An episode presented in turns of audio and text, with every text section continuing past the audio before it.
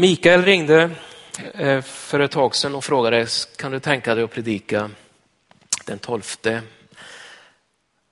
jag ska kolla hur det ser ut med, med jobb och sådär. Såg att det gick bra och kände att det vill jag gärna göra. Och jag tittar ganska snart på och fastnar faktiskt för det som är evangelietexten för den här söndagen. Och jag har på något sätt burit det med mig ett tag. Det, det har känts viktigt med den. Vi ska strax läsa den. Och temat är Vem ser vi upp på? Lars Johansson heter jag. Ehm, var pastor här i Grästorp tio år, 98 till början 2009 och sen så var jag i Vara i pingst och i mission till och med förra hösten. Kände att jag skulle ta och köra lite skolbuss istället och det gör jag fortfarande. Har jobbat lite som personlig assistent också under sommaren här nu. Eh, vi kan läsa den texten, Lukas kapitel 18. Från vers 9 till och med 14. Till några som litade på att de själva var rättfärdiga och som såg ner på alla andra riktade Jesus denna liknelse. Två män gick upp till templet för att be. Den ene var farisé, den andra tullindrivare. Farisén ställde sig och bad för sig själv. Jag tackar dig Gud för att jag är, inte är som andra människor, tjuvar och bedragare och horkarar eller som tullindrivaren där. Jag fastar två gånger i veckan. Jag lämnar tionde av allt jag köper. Men tullindrivaren stod avsides och vågade inte ens lyfta blicken mot himlen utan slog sig med händerna mot bröstet och sa Gud, var nådig mot mig syndare. Jag säger er, det var han som gick hem rättfärdig snarare än den andre. Ty den som upphöjer sig ska bli förödmjukad, men den som ödmjukar sig skall bli upphöjd.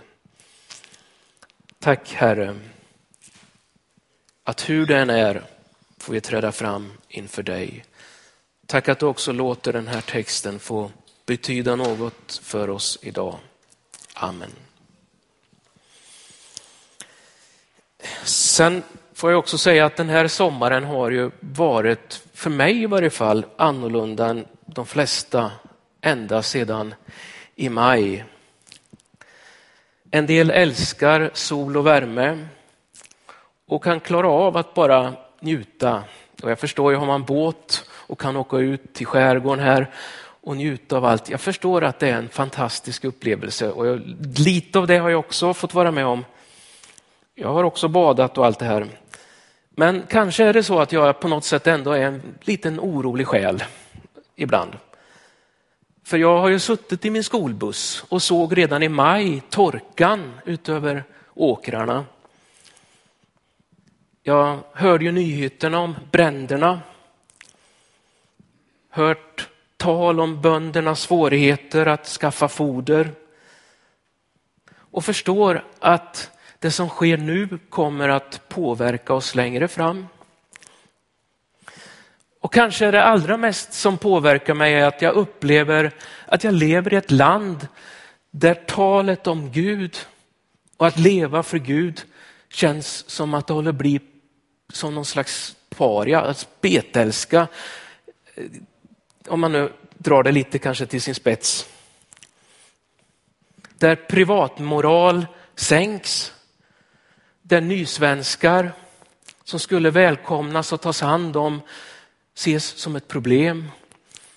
Där naturen missköts. Nu räknar jag upp en del sådana saker som jag upplever faktiskt också på ett sätt är ett bekymmer som jag ser.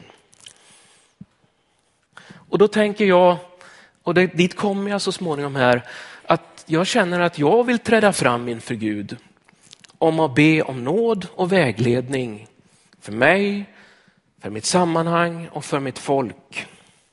Och då känner jag mig lite som den här tullindrivaren. Så kaxig är jag inte. Den tidiga kyrkan bad Kylie eleison, Herre förbarma dig. Men det samtidigt är det ju lätt att tala om de här sakerna. Man talar om klimatångest.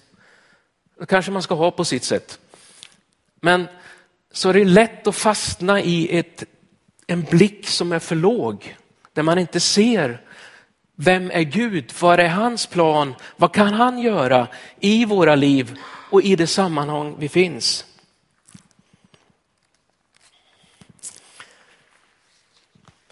Jag återkommer till det. Det första jag tänkte på i den här texten är den första punkten och det är jämförelsens förbannelse. Att se andra människor, det finns något gott i det. Man kan se på andra människor och ha dem som goda förebilder. Och när jag säger det så är det säkert för dig så. Du har säkert någon släkting eller någon människa du ser upp till som du tänker, tänk vad gott att den människan finns. Den visar ju vägen för mig. Så på det sättet att se andra människor är ju inte något negativt. Det är den goda sidan av att se andra. Men sen finns det ju den andra sidan också där man kan se sig själv och så ser man andra och tänker, jag förminskar mig. Jag kommer aldrig kunna bli som den. Det är ju en negativ sida av det, det hela.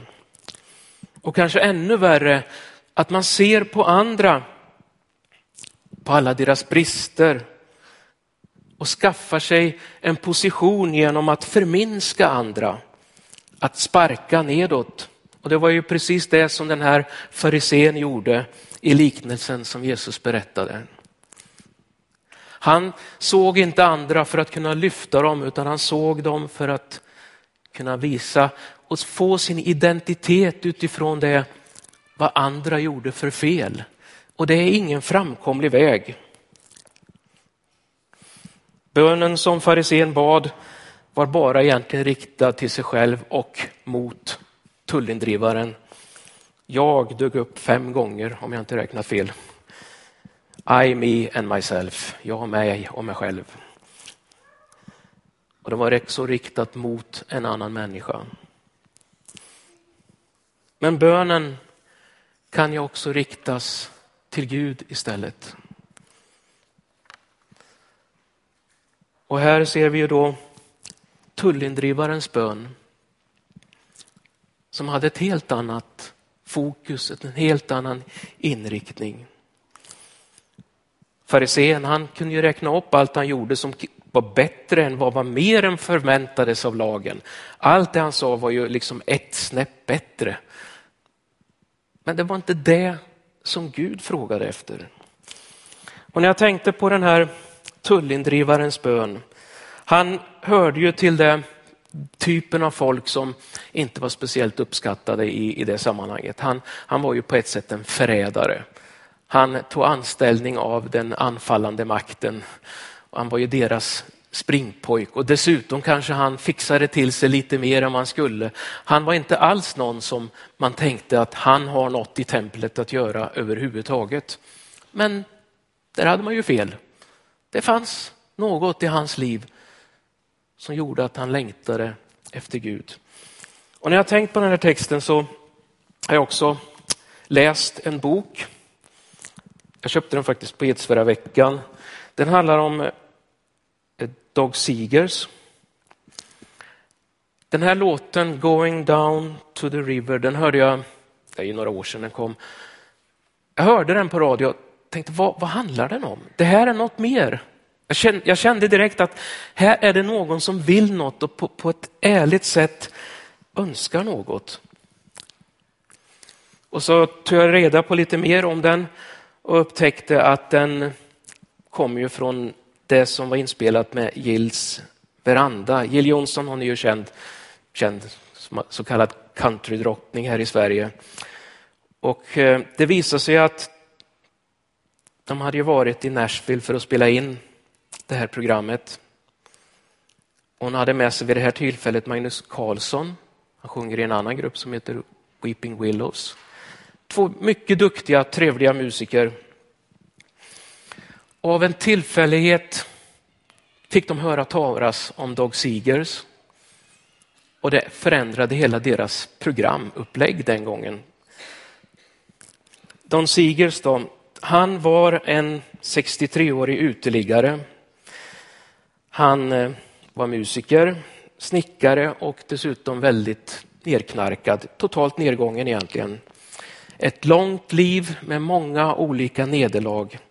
Det började med att hans pappa svek familjen. Hans pappa gjorde precis samma sak. Han söp och försökte göra sin musikkarriär, övergav familjen och stack. Och där fanns Dog och hans syskon kvar med massa bitterhet och allting. Och så upptäcker Dog, Dog att han har gjort precis likadant i sitt liv. Och just innan mötet med Jill hade det hänt ganska mycket. Han hade bott i Nashville i 15 år, största delen som uteliggare, ändå med ett visst jobb som snickare och sen fullt party på alla andra tillfällen. Sovit under någon järnvägs eller motorvägsbro. Han hade köpt två liter vodka och han skulle sätta sig för att supa bort alla sina sorger. För nu var botten nådd.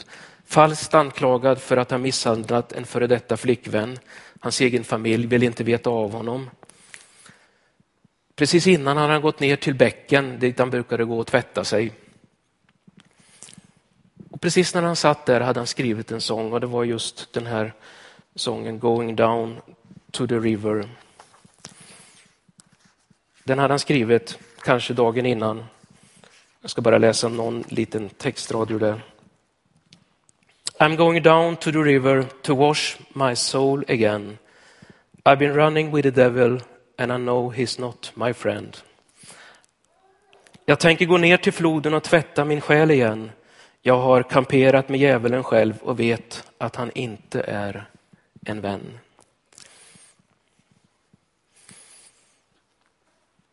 Han satte sig ner, det var bakom en katolsk kyrka, på en parkeringsplats som ingen använde längre, sliten, igenvuxen.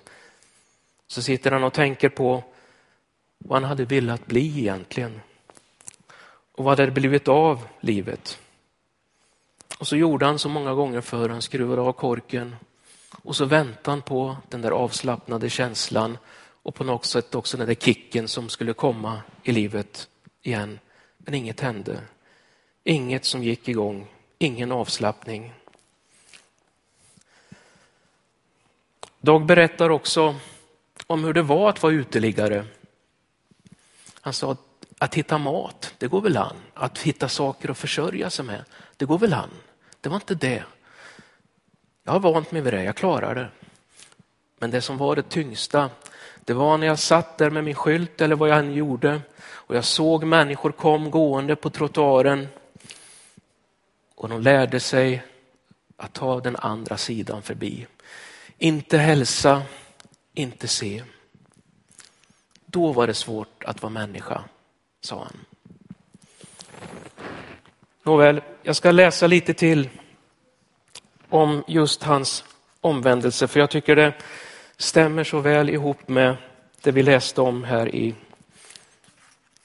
om tullindrivaren. Två på ett sätt helt olika människor, men ändå samma behov. Nu sitter han vid parkeringen där. Men nu med ryggen mot staketet på kyrkans parkeringsplats hade jag slut på ursäkter. Jag kunde inte skjuta det framför mig längre. Jag visste att om jag öppnade flaskan skulle jag dö på gatan. En bortglömd pundare som slösat bort sin talang och kastat ifrån sig Guds finaste gåva. Jag la ifrån mig vodkan och knuffade den utom räckhåll, drog upp benen under mig och gled över på knä. Jag vände mig mot solen så att jag kände strålarna mot ansiktet fast jag blundade. Jag knäppte händerna, något som jag inte gjort när jag bad sedan jag var liten. Och så började jag tala högt och det var inte heller vanligt. En hemlös man som pratar med sig själv skrämmer folk, så jag hade varit försiktig med det. Men det spelade ingen roll, det här var för viktigt. Herre, sa jag med skakig röst, Ingen kan förvänta sig mindre av dig än jag. Jag har inte tagit mitt ansvar. Jag har fördärvat så mycket. Jag har slarvat bort så många av dina gåvor. Jag har gjort så fruktansvärda saker att jag inte kan säga det högt, inte ens inför dig. För jag vet att du har sett alltihop. Jag är ett människovrak, Herre. Jag är människovraket som den där killen som skrev om i Amazing Grace. Så illa däran att folk tittar bort när de ser mig. Jag är så ledsen för det jag gjort, för alla jag sårat och för all smärta jag vållat. Förlåt mig min svaghet, förlåt mig för alla synder som jag samlat på mig som sopor. Förlåt mig att jag svikit dig. Jag vill inte ha rikedom eller framgång. Jag ber inte om ägodelar. Jag vill bara vara nära dig igen. Om du vill ha mig, Herre, så vill jag inget hellre än att komma tillbaka till dig. Jag ber att lyfta av mig den här bördan. Jag ber dig om hjälp att ställa saker och ting till rätta. Visa mig vägen, inte min väg, din väg. Jag vet inte hur lång tid jag har kvar, men låt mig leva den tiden för dig. Jag vill bli ren. Jag vill bli förlåten. Jag vill vandra med dig, inte på andra sidan vägen, utan bredvid dig. Ja, Herre, till och med jag vill det. Det var inte den längsta bön jag bett. Det var förmodligen inte den bästa heller, eftersom jag inte bad Gud hjälpa andra och lindra mina kompisars lidande. Men det var den sannaste bön jag bett. Den kom ur mitt innersta, ur mitt djupaste djup, som jag vände ut och in på mig. När jag öppnade ögonen var det helt stilla.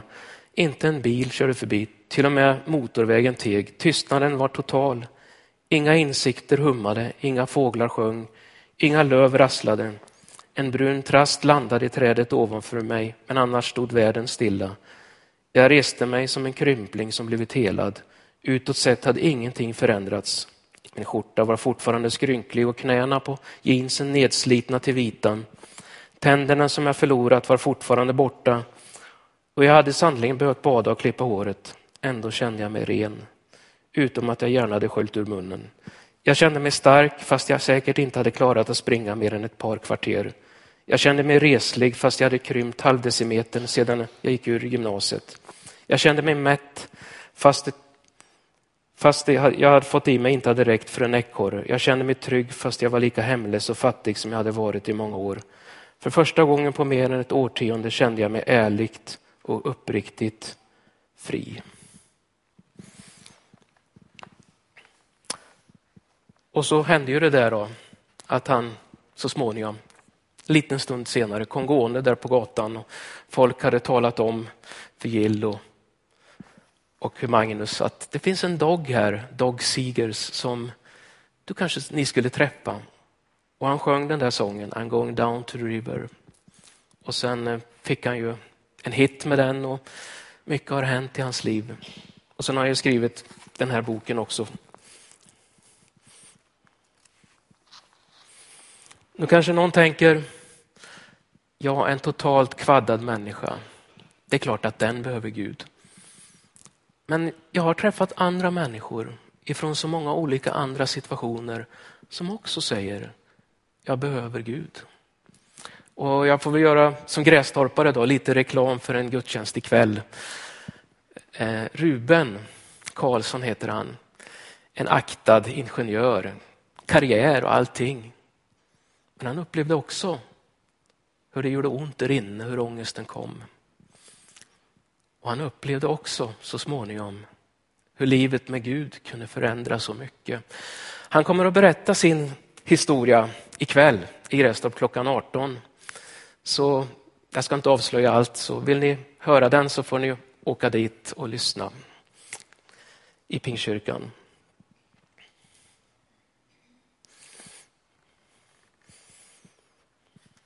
Tullindrivaren bad alltså, Gud var mig nådig, var nådig mot mig syndare. En ärlig bön.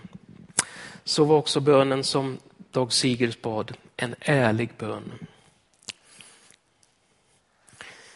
Det handlade inte om hur duktiga de hade varit. Det handlade om att vara ärlig inför Gud. Och så tänker jag också på den samariska kvinnan när Jesus möter henne. Och när de kommer in i ett samtal om hur ska vi tillbe Gud? Och då säger Jesus till henne, den som ska tillbe, ska tillbe i ande och sanning. Ande och sanning. Ärlighet har ju med sanning att göra. Så här ser det ut i mitt liv. Så här ser det ut i vårt land. Och det skulle ju kunna stanna där. Och så Frågan är ju då, som jag ställde i rubriken, vem ser vi upp till? Vi skulle kunna stanna där och se, ja, så ser det ut i mitt liv. Och så kom det inget hopp. Vi skulle kunna stanna där och säga, ja, så ser det ut i vårt land. Och så kommer det inget hopp. Men så säger Jesus, ni ska tillbe i ande och sanning. När vi lyfter blicken och säger som det är, men också ser som det är. Jesus Kristus uppstånden, då sker det något i den samklangen. För ärliga måste vi få vara. Ingen av oss kan komma och säga att vi är så duktiga oss själva. Men tänk när vi får träda fram inför nådens tron och säga som det är. Och så lägger Gud sig till genom sin ande. Vi lyfter blicken och så blir det en förvandling där inne i mig, i mig, där inne, inne i vårt land. Jag tror faktiskt att det kan ske.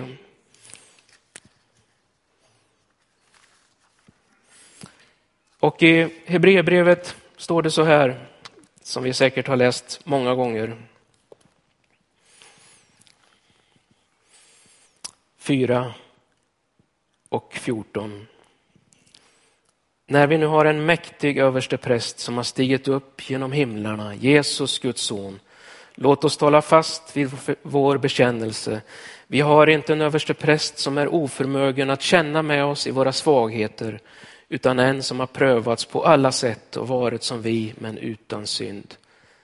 Låt oss därför frimodigt träda fram till nådens tron för att få förbarmande och nåd i den stund då vi behöver hjälp.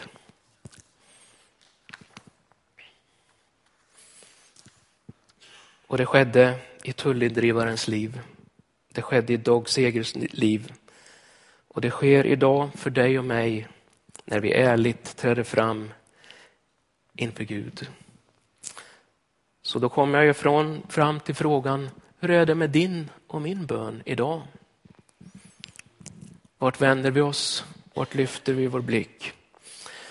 De här männen gick upp till templet för att be. Och när kung Salomo hade fått byggt färdigt templet så stod han och bad där. Då bad han om att templet skulle vara den plats att när någon hade gjort något fel så skulle han få komma till templet och uppleva förlåtelse. Han bad också att kom det en främling så skulle han också få plats där och han skulle få komma fram och be. Så det farisén gjorde när han skuffade undan alla andra var så fel det kunde bli. Det var inte så Gud hade tänkt för den plats dit man skulle få komma och be. I sommar har, det finns ju en del kända förkunnare i Sverige. Och en som emellanåt dyker upp är ju Peter Halldorf. Han har faktiskt serverat tre riktigt duktiga bredsidor i tidningen Dagen. Jag vet inte om ni följer med och läser. Den första handlar om hur vi behandlar främlingen, invandraren, nysvensken. Och han tog ställning för att vi, det har gått ett lågvattenmärke i debatten om när främlingen ses bara som ett problem. Man han ställer frågor om hur gör vi och varför gör vi som vi gör? Han har ju ett ganska speciellt språk i och för sig. Så här. I ett samhälle i antiken där en majoritet fortsatte att värna sin egen välfärd och säkerhet placerade profeterna en sårbar triad överst på agendan. Främlingen, den fattige, den faderlöse. Profeterna är språkrör för dem som på grund av krig, fattigdom och svält och oansvariga politiker drivits till randen av tillvaron. Dessa villkor är aldrig förhandlingsbara i den profetiska litteraturen. Flyktingens och invandrarens önskan om jämlikhet med de redan privilegierade är, menar profeten, fullt legitim. Alltså en sida av vårt land. Och så tar han också upp en sida av klimatförändringarna. Så här säger han bland annat, en relation till skapelsen präglad av vördnad och förundran tar sig uttryck i en avhållsamhet som sätter gränser för de egna begären och gör hjärtat mjukt. Vi måste inse att våra handlingar på ett eller annat sätt gör avtryck varje dag. I väntan på fler politiker som tar sitt ansvar för klimat och miljöfrågorna kan vi själva välja att göra de avtryck som profetiskt föregriper en jord där rättfärdighet bor. Ja, vad vill jag säga med det här? Ja, Gud gav oss uppdraget att förvalta vår jord.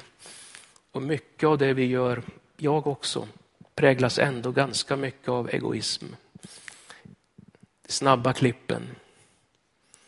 Vi i västvärlden lever ganska gott och det är andra människor som har fått betala ett högt pris för det. Kan vi ändra på allt? Nej, det kanske vi inte kan, men vi kan göra våra val. Och jag ser det lite som en del i den utmaning vi lever i som kristna. Att Gud må leda oss och hjälpa oss att leva rättfärdigt. Du kanske säger, ja, det är inte en frälsningsfråga. Nej, frälsningen den handlar om att tro på Jesus. Men när du möter honom så vill han leda dig och mig på rätta vägar för sitt namns skull.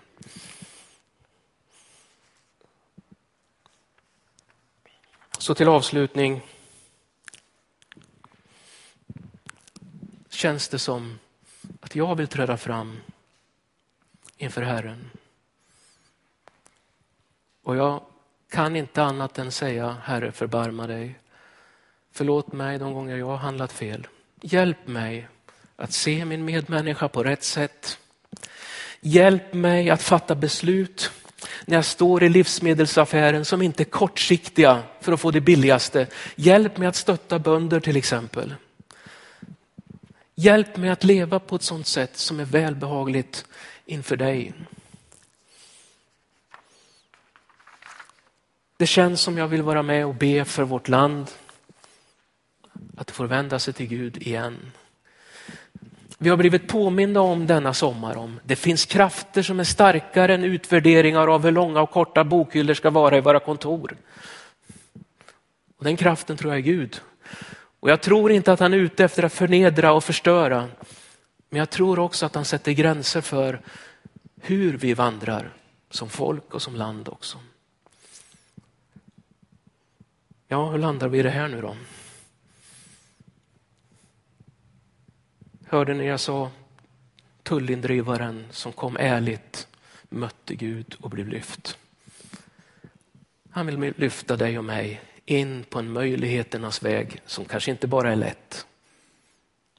Men vi har ett jättestort uppdrag som folk och som kristna att visa på ett hopp mitt i klimatångest eller mitt i ångest om en konstig varurörelse.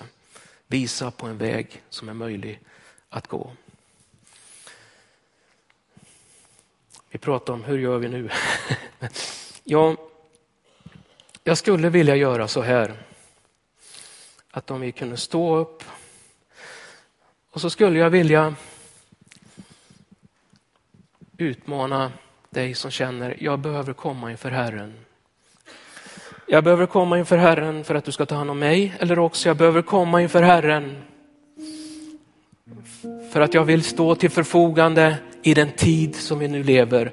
Jag vill ta mitt uppdrag så på allvar för vårt land, för vårt folk, för den svage.